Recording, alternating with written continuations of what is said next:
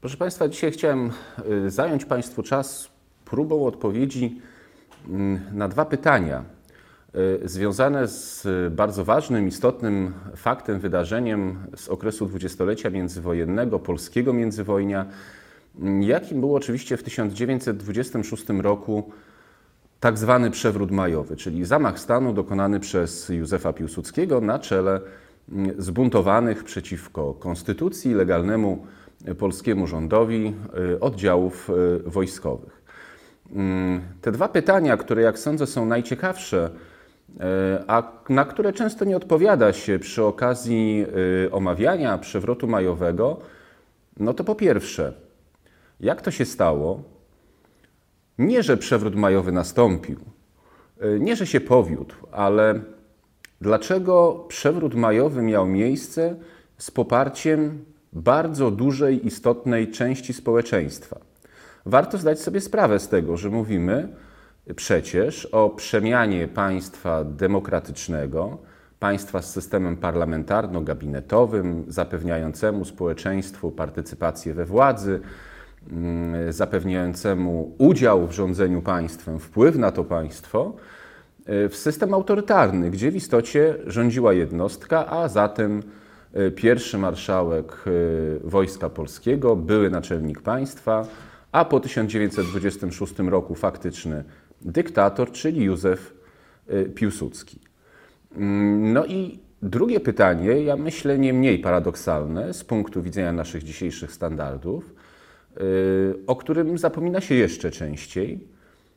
Mm, cóż takiego się stało, że człowiek, który bez cienia przekory, może być nazwanym y, mianem ojca polskiej demokracji, bo przecież jako tymczasowy naczelnik państwa zlecił rządowi Jędrzeja Moraczewskiego opracowanie y, demokratycznej ordynacji wyborczej. Mm, był ojcem polskiego Sejmu Ustawodawczego, uczestniczył w jego y, otwarciu.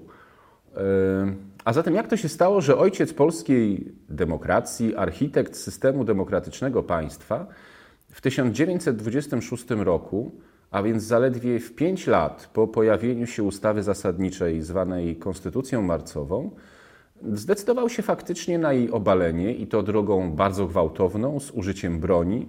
Jak pamiętamy, również e, padły ofiary śmiertelne mm, w trakcie e, tegoż właśnie zamachu Y, stanu. A więc te dwa pytania, które jak sądzę y, pozwolą odpowiedzieć na pytanie o genezę y, generalnie przewrotu 1926 roku. Zatem po pierwsze, co się takiego stało, że zamachowcy mogli liczyć na poparcie społeczne? No z pewnością tych przyczyn było wiele. Po pierwsze, trzeba wspomnieć o niestabilnym systemie politycznym. Tą niestabilność generowała również konstytucja marcowa, przypomnijmy, w wyniku zapisów konstytucyjnych, które miały niezwykle mało wspólnego z, z monteskiuszowskim trójpodziałem władzy, mm, rządy zmieniały się właściwie kilkanaście razy w ciągu pierwszej połowy lat e, dwudziestych. Żaden minister, żaden premier, no może z wyjątkiem, ale to istotne, poza parlamentarnego rządu Władysława Grabskiego i premiera Grabskiego, nie był w stanie wypracować perspektywicznej formuły rządzenia, wcielić w życie programu, z którym dochodził mm, do władzy. E, na to wszystko nakładała się oczywiście mnogość bytów politycznych, które powstawały, niektóre z nich wprost na forum sejmowym, zmieniając tą arytmetykę y, parlamentu właściwie w ciągu jednej y, kadencji. Ale działały i inne elementy. Warto przypomnieć sobie tutaj y, słowa Stefana Żeromskiego i książkę Przedwiośnie. Otóż wydaje się, rzeczywiście Polacy u zarania niepodległości reprezentowali typ myślenia, który można było nazwać, i chyba nie ma w tym nic dziwnego po 123 latach zaborów, takim myśleniem magicznym, to znaczy to myślenie polegało na tym, że byli przekonani, że kiedy powstanie państwo polskie, mm, będą w nim rządzili politycy aniołowie, przekonani tylko i wyłącznie co do tego, że rzeczą najważniejszą jest racja stanu, że y, będą y, służyli obywatelom urzędnicy nastawieni tylko i wyłącznie na realizowanie ich interesu, interesu publicznego również. Tymczasem okazało się, że w tym państwie, jak w każdym innym, Niestety szerzy się korupcja, że w tą korupcję uwikłani są bardzo istotni politycy, że z korupcją mamy również do czynienia w sferze biurokratycznej, w sferze administracyjnej. Czyli krótko mówiąc, rodziła się taka pokusa drugiego początku. Ten pierwszy początek, 11 listopada 1918 roku, nie do końca e, okazał się sukcesem, więc w związku z tym może następny, gwałtowny, dramatyczny przełom, jakim będzie do, dojście do władzy Józefa Piłsudskiego, człowieka, e, który był właściwie legendą E, archetypem, symbolem e, polskiej niepodległości, będzie tym drugim właściwym otwarciem w dziejach niepodległej mm, Polski. No i oczywiście na to wszystko należy nałożyć niesłychanie trudną sytuację gospodarczą państwa, mnożące się kryzysy. Przypomnijmy, pierwszy kryzys jeszcze powojenny, związany z koniecznością no, w ogóle rozruchu gospodarki, połączenia ze sobą trzech zaborów. Potem drugi Y, kryzys hiperinflacji w roku 2023, mm, który rzeczywiście odbił się no, niezwykle głębokim piętnem, odbił się traumą, jeśli chodzi o myślenie Polaków o stabilności własnego państwa, no i co tu dużo mówić również y, o, y, o pojemności własnej kieszeni. No i wreszcie w ślad za tym kryzysy społeczne, bieda, pauperyzacja dużej części mm, społeczeństwa. No i wreszcie przypomnijmy, że hasłem, które w jakiś sposób elektryzowało opinię publiczną przed 1926 rokiem, tym hasłem bardzo nośnym było hasło Armia bez wodza. Otóż ten, który stworzył polską armię, tak to przedstawiali jego zwolennicy, ten, który stworzył legiony polskie, ten, który budował wojsko polskie II Rzeczypospolitej, ten, który pokonał Armię Czerwoną nad Wisłą, a więc był autorem największych triumfów polskiego oręża, który wypracował granice Polski międzywojennej, mówiąc językiem zwolenników Józefa Piłsudskiego, mm, odszedł do samotni w Sulejówku, armia znalazła się w niepowołanych rękach. To była ta argumentacja, którą posługiwali się zwolennicy mm, marszałka. Oczywiście w tle był spór, bardzo istotny spór o to, w jaki sposób ma być kierowane wojsko polskie, w jaki sposób ma być dowodzone. Czy w istocie dla Polski umieszczonej pomiędzy Niemcami, pałającymi y, rządzą rewanżu po mm, traktacie wersalskim, a w istocie imperialną, chociaż już nie białą, a czerwoną Rosją, lepszy byłby model, w którym y, władza w armii skupiałaby się w jednym ręku wodza naczelnego, czy lepszy byłby klasyczny system, nazwijmy go francuskim, w którym mamy prezydenta, przed którym odpowiada minister, przed nim szef sztabu, a więc taką klasyczną drabinkę odpowiedzialności, którą określamy w skrócie mianem e, cywilnej odpowiedzialności e, władz wojskowych, cywilnej zależności władz wojskowych. E, warto wreszcie zwrócić uwagę na e, międzynarodową kondycję państwa polskiego. Otóż po początkowych sukcesach, przypomnijmy 1921 rok, to jest sojusz z Rumunią, sojusz z Francją, wydaje się, że stabilizuje on państwo polskie na arenie międzynarodowej i w regionie Europy Środkowo-Wschodniej. Mm, zaczęły przychodzić porażki i klęski. Układ w Rapallo w 1922 roku, a więc porozumienie niemiecko-sowieckie, jak to przedstawiano ponad głowami Polaków. Następnie układ w Locarno w 1925 roku, czyli de facto zgoda naszego zachodniego sojusznika, czyli Francji, na to, aby podzielić Europę na dwie części. Tą Europę bezpieczną z żelazną gwarancją granic. Przypomnijmy, e, granica belgijsko-niemiecka i francusko-niemiecka gwarantowana była nie tylko przez Niemcy, Belgię i Francję, ale jeszcze przez Włochy i Wielką mm, Brytanię. Krótko mówiąc, każdy, kto chciałby ją naruszyć, miał spotkać się z odpowiedzią solidarną czterech pozostałych państw. No i na Europę Wschodnią, gdzie właściwie kwestię granic pozostawiono otwartą. To znaczy stwierdzono de facto, że mogą one podlegać korekcie, co wiadomo jak zabolało Polaków, którzy dopiero co te granice wywalczyli i z bronią w ręku, i również przy dyplomatycznym zielonym stoliku mm, podczas konferencji pokojowej e, nad, e, nad Sekwaną. No i wreszcie rzecz y, bardzo istotna, bo przecież zabrakło w tej naszej opowieści samego Piłsudskiego. On co prawda w 23 roku odsuwa się od życia politycznego, zamieszkuje w Sulejówku, mm, prowadzi życie, nazwijmy to prywatne, ale przecież wykłada, przecież y, pisze artykuły, w których krytykuje osoby, czynne nadal w życiu politycznym.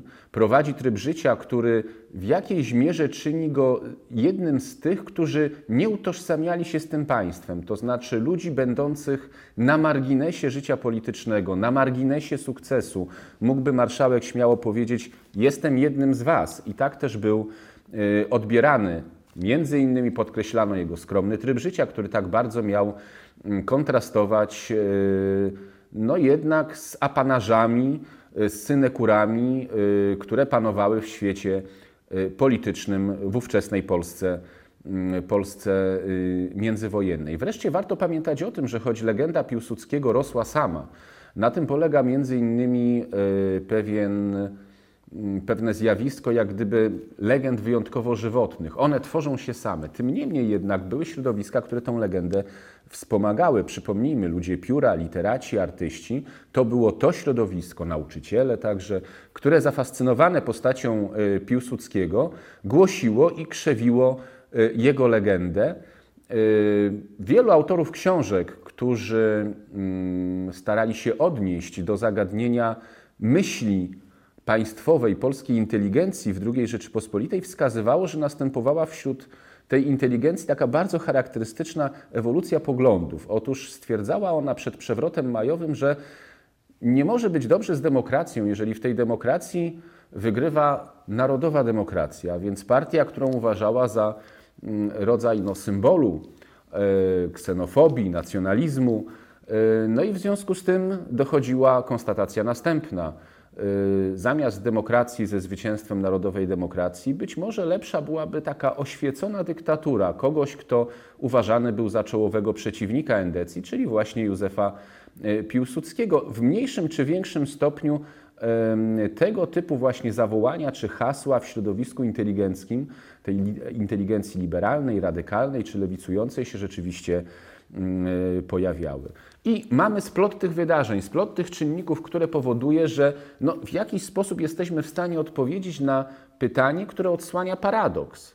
Społeczeństwo odwraca się od państwa mającego charakter demokratyczny i popiera zamach wojskowy. Oczywiście część spośród tych, którzy ten zamach poparli, liczyli na to, że to jest tylko epizod, że oto nastąpi naprawa e, demokracji. No, przyszłość miała pokazać, że w istocie mieliśmy do czynienia z budową systemu władzy Y, autorytarnej. No i to drugie pytanie, które również y, starałem się zasygnalizować, dotyczące samej postaci głównego bohatera, głównego autora przewrotu majowego, czyli Józefa Piłsudskiego. Ponieważ mam wrażenie, że my, mówię także o historykach, podchodzimy do tej postaci czasami nieco bezrefleksyjnie. To znaczy, jeżeli coś się wydarzyło w historii, wydarzyć się musiało, szukamy uzasadnień dla powodzenia przewrotu majowego, sam to przed chwilą y, robiłem. Natomiast nie zastanawia nas to, w jaki sposób człowiek, który wyszedł z Polskiej Partii Socjalistycznej, któremu bliskie były przecież idee sprawiedliwości społecznej, idee lewicowe, ale także idee demokratyczne, bardzo charakterystyczne dla właśnie tej postępowej części polskiej szlachty, którą Józef Piłsudski może reprezentować. Y, człowiek, który nakazał, jak mówiłem we wstępie, Jędrzejowi Moraczyskiemu, premierowi swojego rządu, mm, aby natychmiast opracował taką ultrademokratyczną ordynację wyborczą, która miałaby wyłonić rzeczywiście reprezentatywny dla polskiego społeczeństwa pierwszy parlament II Rzeczypospolitej, czyli Sejm Ustawodawczy, z wielkim zadaniem, czyli opracowaniem e, polskiej konstytucji. W jaki zatem sposób człowiek, który może być określany mianem architekta nie tylko niepodległej Polski, ale przede wszystkim architekta Polski demokratycznej, E, bierze władzę siłą w roku 1926. Na czym polegała ta ewolucja i ta przemiana, która przecież się musiała dokonać e, w samym Piłsudskim, w jego refleksji politycznej, że zdecydował się na krok e, tak dramatyczny. Przypomnę, wcale nie tak miły jego sercu, no bo pamiętajmy o tym, że on robi wiele, niezależnie od tego, jakby to nie zabrzmiało, aby ten przewrót majowy zalegalizować, aby niejako go wpisać w realia funkcjonowania międzywojennej y, Polski. Otóż odpowiedź, którą ja Państwu y, proponuję, jest taka, że y, mylili się ci, którzy uważali, że Józef Piłsudski szedł do władzy dlatego, że był opanowany rządzą jej posiadania ale z drugiej strony być może mylą się również ci, którzy uważają, że marszałek zamyślał o jakiejś wielkiej, gruntownej przemianie, naprawie, sanacji ustroju. Przecież tego słowa używamy dla określenia jego obozu politycznego. Y, Wydaje się bowiem, że w, w takim razie zupełnie niezrozumiałe były jego posunięcia po przewrocie majowym. Y, Pewna inercja, jeśli chodzi na przykład o kwestie mniejszości narodowych, przypomnijmy, to jest jedna trzecia społeczeństwa Polski międzywojennej. Pozostawiono to wojewodom. Y, Również kwestie kluczowe, chociażby reformy rolnej, także były pozostawione właściwie takiej bardzo powolnej, ewolucyjnej y, realizacji.